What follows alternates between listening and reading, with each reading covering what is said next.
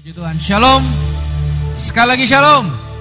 Berapa banyak dari saudara percaya Yesus hadir bersama-sama dengan kita? Boleh lambaikan tangan. Boleh tepuk tangan yang meriah buat Tuhan kita. Yang dahsyat dan luar biasa. Dan sebelum kita dengar firman, boleh lihat kanan kirinya sebentar. Lalu bilang, saya senang banget duduk di sebelah kamu pagi ini. Lalu balas bilang, kamu pasti diberkati. Haleluya. Ya orang bilang, posisi menentukan. Betul? Selamat pagi Bapak Ibu Saudara. Gimana kabarnya? Luar biasa.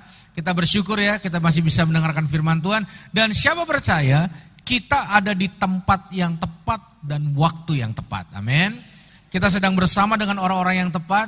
Dan saya percaya untuk melakukan hal yang dahsyat bagi kemuliaan nama Tuhan. Amin. Bapak Ibu perkenalkan saya Yeri Patinasarani. Terima kasih Pak dan semua tim pastoral di sini. Ini pertama saya uh, melayani di gereja El Shaddai Injil Sepenuh di daerah Gading Serpong. Lalu saya memimpin satu yayasan yang bernama uh, Yayasan Roni Pati Nasarani. Yayasan yang sampai hari ini bergerak uh, menangani krisis-krisis yang terjadi di generasi, secara khusus generasi muda. Menangani hal-hal yang berhubungan dengan masalah narkotika, uh, HIV AIDS, kasus-kasus seperti human trafficking, sex trafficking, prostitusi online, judi online yang saat ini uh, sangat merajalela dan uh, banyak anak-anak Tuhan terlibat di dalamnya. Tapi saya bersyukur pagi hari ini karena saya percaya salah satu mujizat yang Tuhan berikan dalam hidup kita adalah saudara di dalam Tuhan. Amin. Ya saudara, mari kita siapkan hati kita, kita akan belajar sesuatu pagi hari ini. Nah, Bapak Ibu, sebelum kita dengar firman Tuhan, kita tuh perlu persiapkan hati dan batin kita. Yang setuju katakan amin. Kenapa? Karena waktu kita mendengarkan firman Tuhan, kita tidak bisa meletakkan firman di bawah intelektual kita. Kita nggak bisa meletakkan firman di bawah intelektual kita.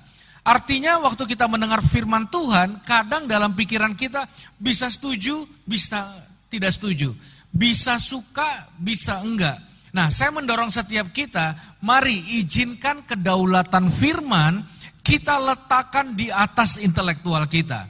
Sekalipun kita tidak mengerti atau belum mengerti, tapi jangan biarkan firman itu senantiasa ada di dalam bawah logika kita. Karena kadang-kadang waktu kita dengar firman, terkesan kontra logika atau tidak masuk logika. Kalau kamu ditampar pipi kanan, nikmati rasa sakitnya. Lalu apa? Berikan pipi kiri. ya, terlebih berbahagia memberi daripada menerima. Coba ya, kita tes rasa bahagia kita Bapak Ibu. Mana yang buat kita bahagia Bapak Ibu? Pulang dari gereja, ditraktir orang kanan kiri, atau saudara yang mentraktir orang kanan kiri makan setelah pulang dari gereja? Wow, itu pertanyaan yang tidak perlu ditanyakan gitu ya. Makanya mari kita izinkan firman berdaulat penuh dalam hidup kita. Amin. Nah, Bapak Ibu Saudara, mari kita buka Kejadian 2 ayat 2 sampai 3. Mari buka dengan saya kitab Kejadian 2. Lalu ayat yang kedua sampai ayat yang ketiga kita akan belajar sesuatu pagi hari ini Bapak Ibu. Kejadian 2 Lalu ayatnya ayat yang kedua sampai ayat yang ketiga. Kejadian dua, ayat kedua sampai ayat yang ketiga. Oke? Uh, saya akan bacakan ayat kedua, lalu saya minta Bapak Ibu sama-sama baca ayat yang ketiga. Nanti saya minta tolong teman multimedia jangan buru-buru ditutup di ayat yang ketiga. Oke, demikian firman Tuhan. Ketika Allah pada hari ketujuh telah menyelesaikan pekerjaan yang dibuatnya itu Berhentilah ia pada hari ketujuh dari segala pekerjaan yang telah dibuatnya itu. Ayat tiga, dua, tiga.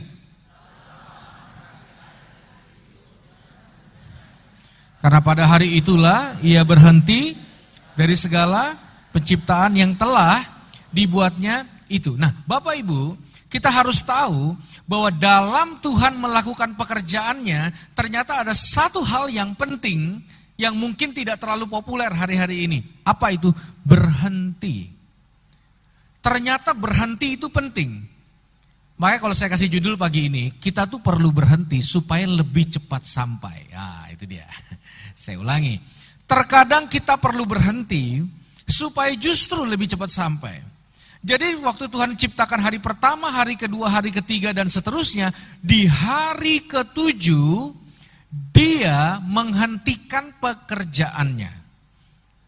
Artinya, waktu Tuhan berhenti, ada sesuatu yang sangat penting yang dia coba sampaikan di dalam kehidupan setiap kita. Saudara, waktu saya baca ini berulang-ulang, saya tuh agak sedikit resah. Karena apa? Karena dari dulu saya sering mendengar, kalau dia yang membuka, tidak ada yang bisa menutup.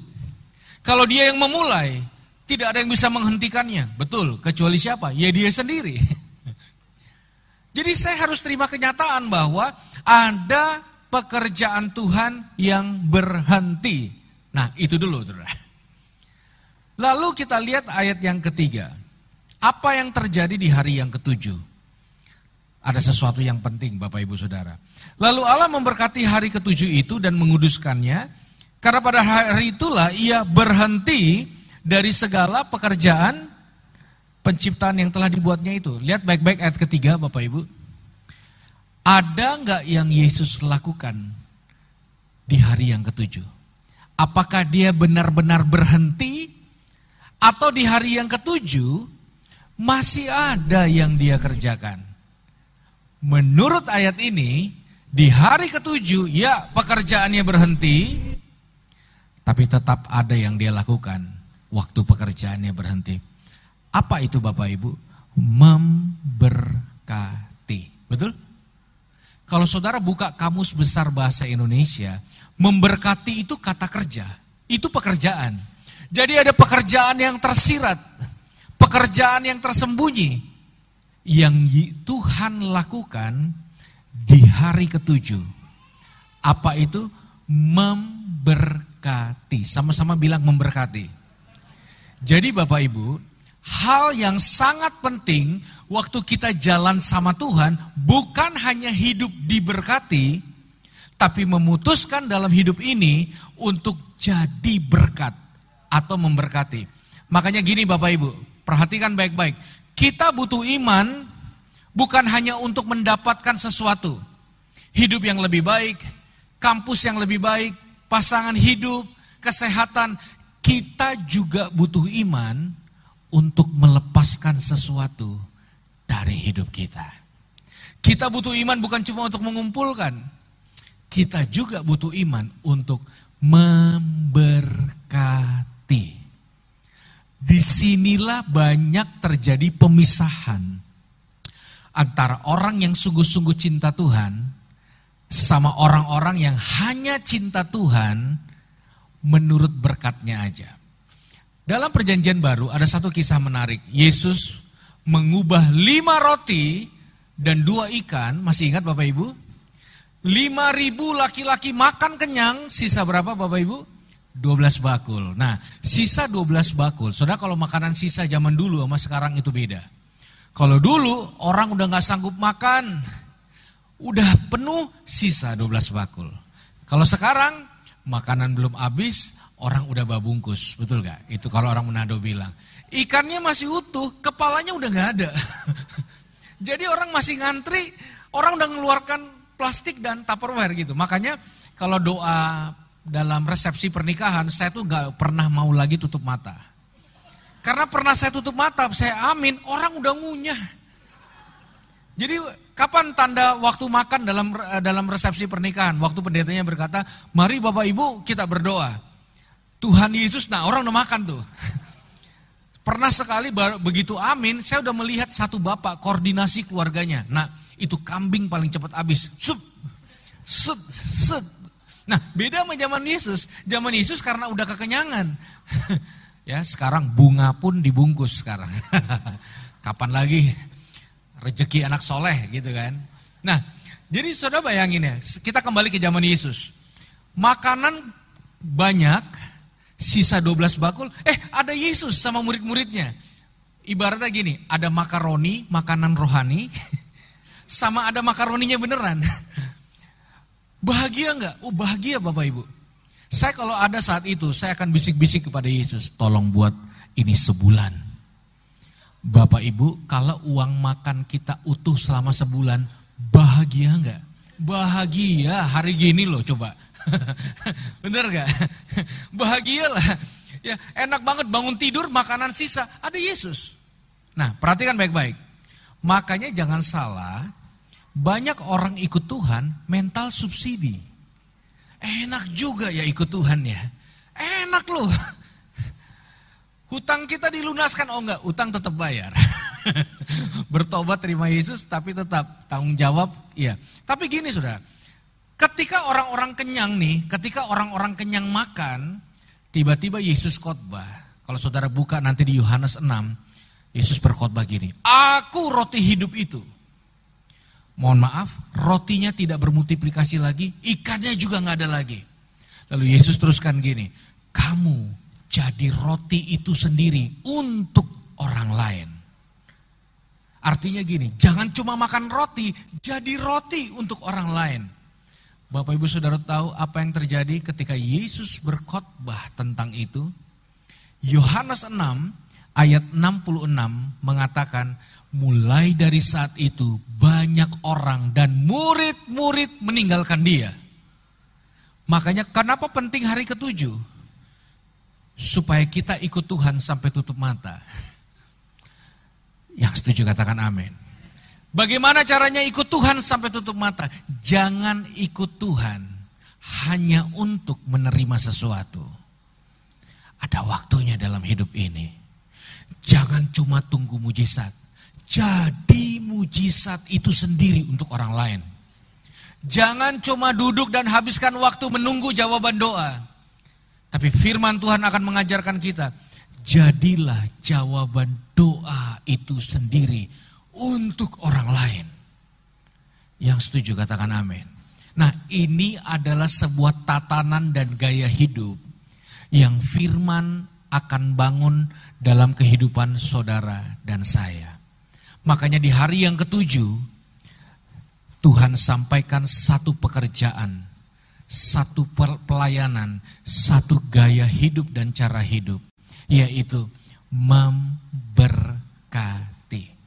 Alkitab mencatat satu kali seorang muda datang pada Yesus dan berkata, aku sudah lakukan semuanya, semua perintahmu sudah kulakukan, semua laranganmu sudah kulakukan. Wah, artinya dia datang sama Yesus dengan membawa prestasi, tentang ketaatan yang luar biasa. Wow.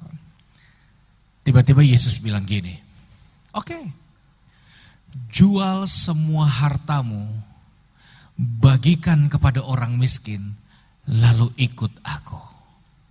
Alkitab mencatat, sedihlah anak muda itu, lalu pergi meninggalkan Yesus.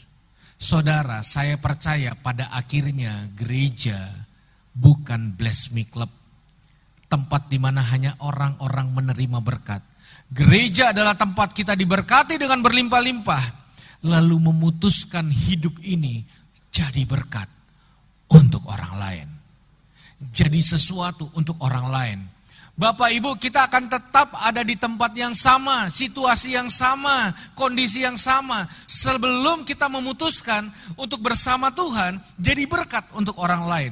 Makanya gini Bapak Ibu, ada kalanya ada kalanya ketika kita butuh didoain, siapa yang tidak butuh didoain? Tapi ada kalanya ketika kita butuh didoain, doain orang lain. Waktu saudara hari ini butuh diperhatikan, perhatiin orang lain. Saudara, hidup ini nggak mudah. Mama saya, uh, suami dan atau papa saya sudah meninggal sudah. Satu kali saya menemukan, eh mama saya bilang gini, ya, tolong dong servis handphone mama rusak. Saya cek handphonenya tidak rusak Bapak Ibu. Lalu saya tanya mama saya, apanya yang rusak? Terus mama saya bilang gini, ini rusak ya, karena biasanya anak-anak mama hubungin mama hari Sabtu atau Minggu. Ini udah sebulan kok nggak ada yang nelfon mama kayaknya handphone mama rusak. Saya bilang mohon maaf mah, itu bukan handphone rusak. Anak-anak yang mama kurang ajar. Tapi kadang-kadang itu terjadi dalam hidup kita. Apa yang terjadi ketika kita lagi butuh diperhatiin?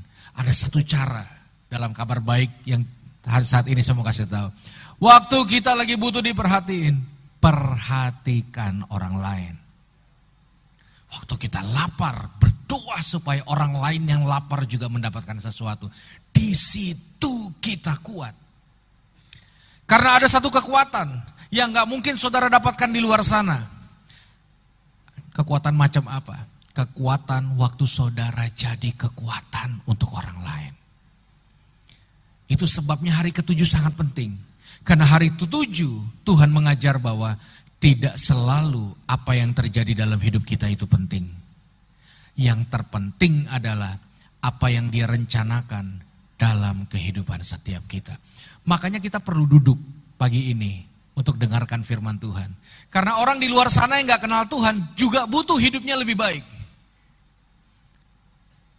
Kita duduk di tempat ini bukan cuma hidup kita lebih baik. Karena Alkitab mencatat sebelum kita minta Tuhan sudah tahu.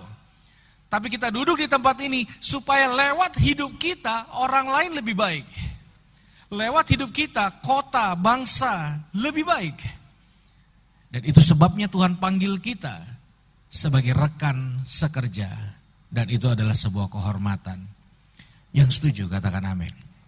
Saya ajak kita buka lagi satu bagian firman Tuhan. Mari buka dengan saya Bapak Ibu Matius 8 ayat 5 sampai ayat yang ke-10. Ayat yang cukup panjang. Saya akan bacakan nanti buat Bapak Ibu Saudara. Matius 8 lalu ayatnya yang kelima sampai ayat yang ke-10. Nanti ayat 10 saya minta Bapak Ibu Saudara bantu saya membaca dan sekali lagi teman multimedia jangan buru-buru ditutup khusus ayat yang ke-10. Oke, yang siap katakan amin. Boleh tepuk tangan dulu buat Tuhan kita yang membangun sesuatu yang dahsyat dalam hidup kita. Ketika Yesus masuk ke Kapernaum, datanglah seorang perwira mendapatkan dia dan memohon kepadanya. Tuhan, hambaku terbaring di rumah karena sakit lumpuh dan ia sangat menderita. Yesus berkata kepadanya, aku akan datang menyembuhkannya. Tetapi jawab perwira itu kepadanya, Tuhan, aku tidak layak menerima Tuhan di dalam rumahku. Katakan saja sepatah kata, maka hambaku itu akan sembuh. Sebab aku sendiri seorang bawahan, dan di bawahku ada pula prajurit. Jika aku berkata kepada salah seorang prajurit itu pergi, maka ia pergi. Dan kepada sarang lagi datang, maka ia datang. Ataupun kepada hambaku kerjakanlah ini, maka ia mengerjakannya. Ayat 10. Setelah mendengar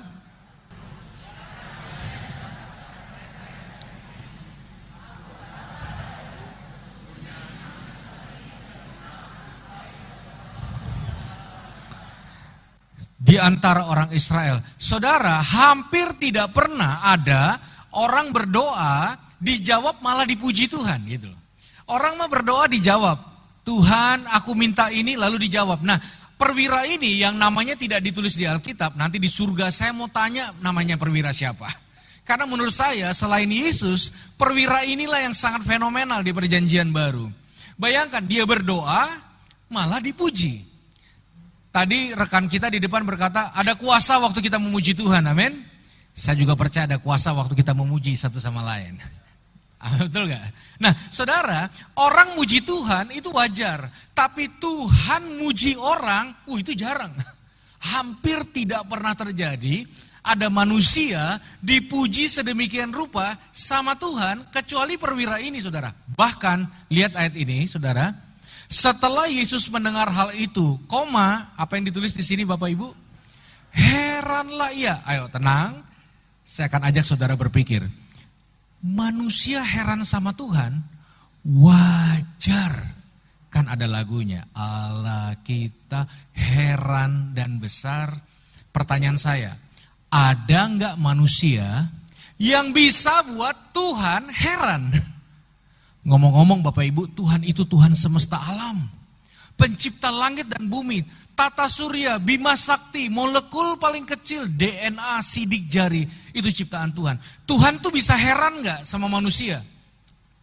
Rasanya sulit. Nah Bapak Ibu, kan tidak ada pencipta heran sama ciptaan. Ibu-ibu masak, lalu setelah masak ibu-ibu melihat masakannya lalu bilang, aku kok terheran-heran ya pas sama masakanku. Loh ibu yang masak, kenapa ibu terheran-heran? ya, saudara pemain musik ciptain lagu, Abis ciptain lagu terus terus dilihat gitu, ih lagu ini kok buat aku terheran-heran ya. Loh, situ yang ciptain lagu. Tidak ada yang ciptain kursi, lalu setiap minggu, setiap tahun heran sama kursinya. Loh, kan kamu yang ciptain. Semua dalam kontrol kamu. Nah, Tuhan ciptain manusia, loh kok Tuhan heran? Ini ayatnya. Berarti Bapak Ibu, dalam hidup ini kita tuh punya kesempatan buat Tuhan heran. Amin. Ini beneran heran. Bukan dibikin-bikin. Nah, saya tuh baca ini berkali-kali. Masa iya Tuhan bisa heran sama manusia? Lalu apa yang membuat Tuhan itu heran sama manusia? Sama perwira ini. Kalau saudara lihat ayat 5, boleh tampilkan lagi di ayat yang kelima. Ini kan ayat 10, Matius 8 ayat 5.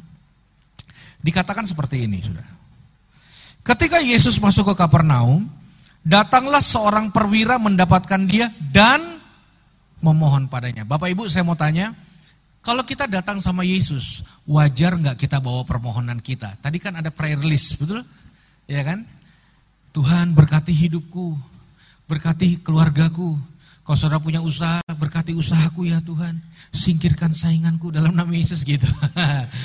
Tapi kita pasti datang bawa prayer list, betul nggak? Nah, dulu ada iklan rokok Bapak Ibu yang menurut saya menjadi ilustrasi yang menarik dalam cerita di Alkitab ini. Jadi iklan rokok ini gini Bapak Ibu, ada laki-laki dan perempuan jalan, lalu laki-lakinya kepleset hampir masuk jurang, nyangkut di akar pohon. Nah, abis itu keluar jin, dari iklannya gitu, yang uangnya piro. nah, sementara laki-lakinya itu nyangkut di akar pohon, jinnya berkata sama perempuannya, saya kasih kamu satu permintaan. Perempuannya minta apa Bapak Ibu? Minta kurus. Iya. Bahkan iklan itu diupdate, permintaannya dirubah. Jadi apa? Perempuannya minta apa? Aku minta wajahku kembali ketika aku umur 16 tahun. Wah. Perhatikan baik-baik. Kalau kita dapat kesempatan emas ketemu Yesus dan minta sesuatu, saya yakin 100% pasti kita cenderung minta untuk diri kita sendiri. Betul nggak? Kapan lagi ketemu Yesus? Oh Tuhan berkati usahaku, keluargaku, anak cucuku, gerejaku, komselku, semuanya. Betul nggak? Nah, perwira ini dapat kesempatan emas satu-satunya seumur hidup ketemu dengan Yesus. Lalu dia datang minta sesuatu. Minta apa Bapak Ibu? Kalau saudara lihat ayat yang ke-6, dia minta untuk orang lain. Bahkan dia minta untuk anak buahnya. Dia tidak minta naik gaji. Dia tidak minta naik pangkat. Dia tidak minta makin sehat. Dia tidak minta keluarganya makin diberkati. Dia tidak minta seluruh hidupnya. Bahkan dia tidak minta untuk semua yang berhubungan dengan dirinya sendiri. Dia minta untuk orang lain. Wow. Itu kalau perwira hidup zaman sekarang, kalau dia punya toko, pasti tiap hari dia cek toko sebelah. Toko saingan ya sudah. Toko saingan yang membuat toko dia keuangannya morat marit. Nih gara-gara ada saingan. Tapi tiap hari dia doain toko saingannya. Doanya begini Bapak Ibu. Tuhan aku berdoa untuk toko sainganku.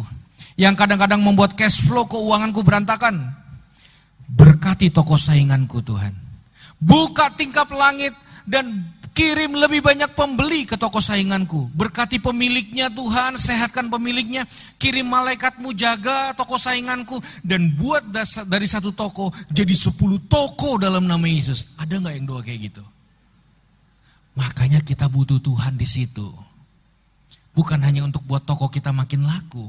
Supaya hati ini mampu berbagi. Kalau ada seorang perwira dan dia jomblo. Ngenes lagi.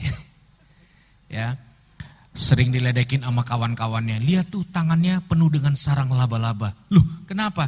Udah lama gak ada yang megang gitu katanya. Tapi di menara doa dia berdoa. Tuhan engkau tahu aku jomblo. Tapi aku kenal 10 temanku yang jomblo juga. Si A, si B, si C. Kirim pasangan hidup buat mereka dulu Tuhan. Ada gak yang doa kayak gitu? Hampir gak ada. Makanya kita perlu duduk dengar firman supaya hati ini berubah. Bukan hanya mikirin diri sendiri dalam bertuhan. Tidak salah, tapi tidak akan maksimal dalam hidup ini kalau kita menempatkan diri sebagai terminal terakhir dari semua yang Tuhan mau bangun dalam hidup kita. Kenapa kita perlu duduk dan dengar firman Tuhan? Supaya kita nggak mikirin diri kita sendiri. Amin. Saudara, banyak kita tidak akan maksimal dalam hidup ini kalau yang kita pikirin hanya diri kita sendiri. Contoh, misalnya pertandingan paduan suara antar gereja. Misalnya grup saya lawan grup Bapak. Misalnya, Cijantung lawan Kelapa Gading. Saya tinggal di Kelapa Gading. Nah, sebelum kita bertanding, Pak, Bapak kan paduan suara gereja, saya juga. Ya Bapak berdoa. Dan Bapak berdoa, kalau Tuhan di pihak kami, siapakah lawan kami? Wah, saya berdoa, kami umat lebih dari pemenang. Bapak berdoa, dua tiga orang berkumpul di dalam namaku, hadir dan minta apa saja Tuhan kasih. Saya masuk dua peperangan, saya rebut kemenangan dalam nama Yesus. Saya patahkan semua penghalang dalam nama Yesus. Pertanyaan saya, Tuhan dengar yang mana Bapak Ibu? Itu dia, Tuhan dengar yang mana? Tuhan dengar yang mana? Kelompok Bapak akan bilang, ya jelas saya lah. Kan saya anak raja, aku anak raja. Loh saya juga nyanyi aku anak raja. Kelapa gading atau si jantung? Nah, makanya, makanya seorang yang mengizinkan hatinya dirubah Tuhan tidak cuma berdoa supaya menang Bapak Ibu Saudara. Tapi apa? Tidak nangis kalau kalah. Betul nggak? Karena semua bukan maunya kita. Semua bukan mengenai kita. Semua bukan seperti yang kita mau. Makanya nggak bisa orang bilang gini, maaf, kalau saya tidak suka sama dia, surga langsung tidak suka sama dia. Wah, kalau saya suka sama dia, surga juga suka sama dia. Nggak bisa. Makanya kita butuh Tuhan supaya jangan biarkan semua kita paksakan sesuai dengan untung rugi kita. Amin Bapak Ibu. Di Bekasi berapa tahun lalu udah lama pernah terjadi ledakan bom di satu gereja Katolik. Infonya sebelum ibadah dimulai ada satu ibu naik bajai ke, ke gereja tersebut, tapi ibu tersebut tidak bilang gereja mana, supir bajai juga nggak nanya gereja mana. Dibawalah ke gereja yang salah. Marahlah ibu itu. Tapi setelah ibadah dia dapat kabar gereja yang harusnya dia pergi terkena bom dan banyak orang luka-luka. Lalu ibu itu berkata, puji Tuhan. Ibu itu bersaksi ke mana-mana, bahkan dalam kesaksiannya ibu itu bilang, jangan-jangan supir bajai adalah jelmaan Yesus yang menyelamatkan saya. Pertanyaan saya, mana yang lebih disayang Tuhan? Ibu ini atau jemaat yang beribadah lalu kena musibah? Banyak orang langsung muncul di pikirannya, ya jelas ibu inilah. Dasarnya apa? Untung rugi, betul nggak? Karena kita selalu menganggap semua yang sesuai dengan kita. Nah makanya nggak bisa Bapak Ibu. Hari ketujuh, dia memberkati supaya kita belajar bukan cuma terima berkat, tapi juga jadi berkat. Makanya kita perlu iman bukan hanya untuk mendapatkan. Kita butuh iman juga untuk melepaskan. Amin Bapak Ibu. Kita butuh iman juga untuk itu. Saya kasih contoh. Papa saya itu pemain bola tahun 70-an. Mungkin ada dari sini Bapak Ibu pernah mendengar Roni Pati Nasarani itu ayah saya. Kapten timnas tahun 70-an, pelatih nasional, komentator bola. Dia dinobatkan sebagai Bapak Futsal Indonesia, itu ayah saya. Pemain bal-balan kalau orang Jawa bilang. Bola, hidup matinya di bola. Rumah kami dulu pagarnya bola, lampu tamannya bola, ruang tamu bola, meja makan bola, kamar mandi bola, sampai dapur ada bolanya. Gitu. Nah, satu kali beliau sakit sakit parah sehingga saya harus bawa berobat ke China karena dokter di Indonesia angkat tangan, Saudara. Sepuluh bulan di China, Saudara, sambil berobat saya berpikir gini, karena saya meninggalkan pelayanan, ah kayaknya saya mau mulai pelayanan di sana. Lalu saya mulai doain orang-orang di sana, Saudara. Lebih dari 20 orang terima Tuhan dan sembuh Bapak Ibu. Jadi sebelum masuk ruang operasi, jalan serta Yesus, orang bingung. Ini mau operasi apa mau KKR nih Pak? Wah jalan sertanya kesembuhan terjadi. Orang-orang bahkan ada beberapa yang dibaptis saudara. Lalu saya berpikir gini, ini akan jadi kesaksian besar. Orang-orang disembuhkan, Masa iya papa sendiri tidak disembuhkan? Kalau kita mau bersaksi, pasti happy ending dong. Masa iya kesaksian gak happy ending? Jadi waktu kondisi papa saya drop, saya tuh tenang. Kenapa? Oh yang sembuh banyak. Masa? Papa sendiri enggak. Saya sudah siapkan rencana kesaksian ke banyak tempat. Jadwal-jadwal sudah dibuat. Pas ketika 10 bulan makin drop, makin drop, makin drop, saya tetap tenang. Sampai akhirnya Tuhan panggil papa saya. Di situ saya shock. Loh, apa yang mau disaksiin? Dia Tuhan penyembuh, tidak terjadi di papa saya. Kalau kita setia, kita percaya, kita melayani Tuhan, Tuhan akan urus keluarga kita. Tidak terjadi, saudara. Tidak terjadi. Seperti pokok doa, saya mendoakan terus kesehatan, saya klaim, saya imajinasikan, saya kondisikan, saya langkah iman. Tapi tidak terjadi sama papa saya. Nah, kami keluarga tuh shock.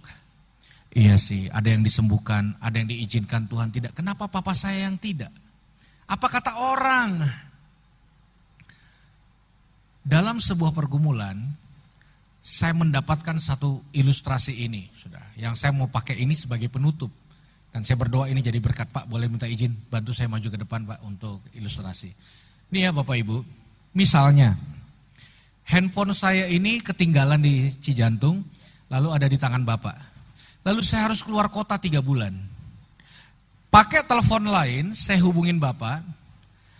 Lalu saya bilang gini, Pak, saya titip handphone saya Pak. Ngomong-ngomong, ada aplikasi-aplikasi OVO, GoPay, dan semuanya. Nilainya satu juta Habisin aja pak. Itu berkat buat bapak, rezeki anak soleh pak. Monggo abisin, nanti tiga bulan kemudian saya balik, saya ambil lagi. Nah setelah saya bilang itu, bapak ngomong apa ke saya pak? Ya. gitu, mohon maaf pak, saldo dipakai. Paling enggak bapak akan bilang apa? Terima kasih, betul nggak? Nah, tiga bulan kemudian saya kembali.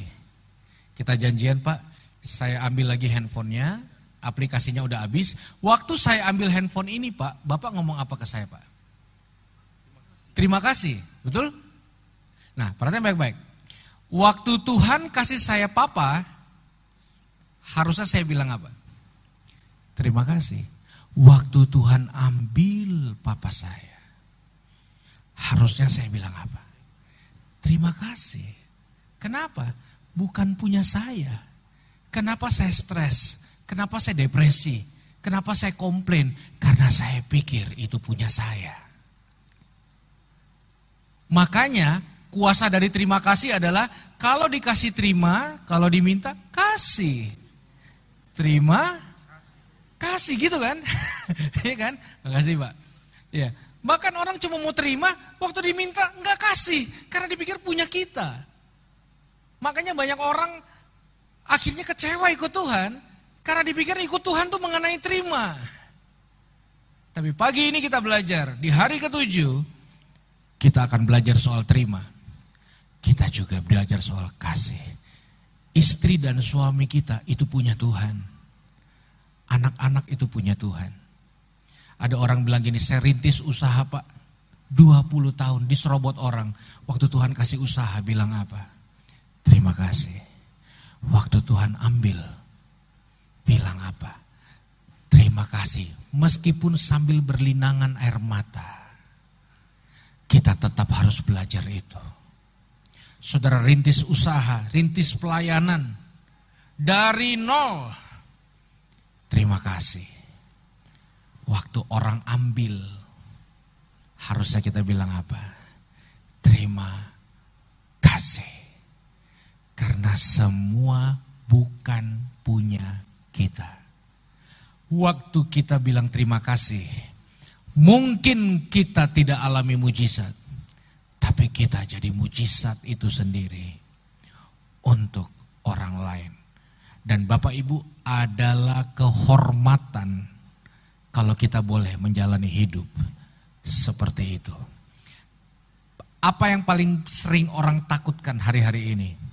Kehilangan betul. Dari kehilangan harga diri, nama baik. Saya punya kabar baik sebagai penutup khotbah pada pagi hari ini. Serahkan pada Tuhan apa yang paling kita takutkan kehilangan. Kenapa? Karena kita tidak mungkin kehilangan sesuatu yang sudah kita serahkan. Amin. Jadi jangan lupa. Terima kasih.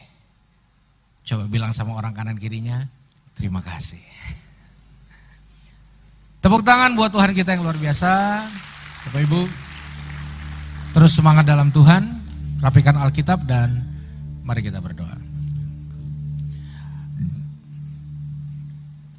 Terima kasih Tuhan. Terima kasih buat pagi ini. Kami sadar segalanya milikmu. Pagi ini di atas segala yang terjadi dalam kehidupan kami. Di atas segala yang terjadi, kami mau menyerahkan semuanya ke dalam tanganmu. Kami mau serahkan semua hal-hal yang paling kami takuti dalam kehidupan kami setiap hari. Kami mau katakan itu bukan lagi milik kami, tapi milikmu. Kapan aja kau mengingininya untuk mengambil, kami memberikannya kepadamu. Dan juga pagi hari ini, kami menyerahkan segenap hidup kami ke dalam tanganmu sebagai persembahan kami yang terbaik. Takkan pernah ku bawa selain yang terbaik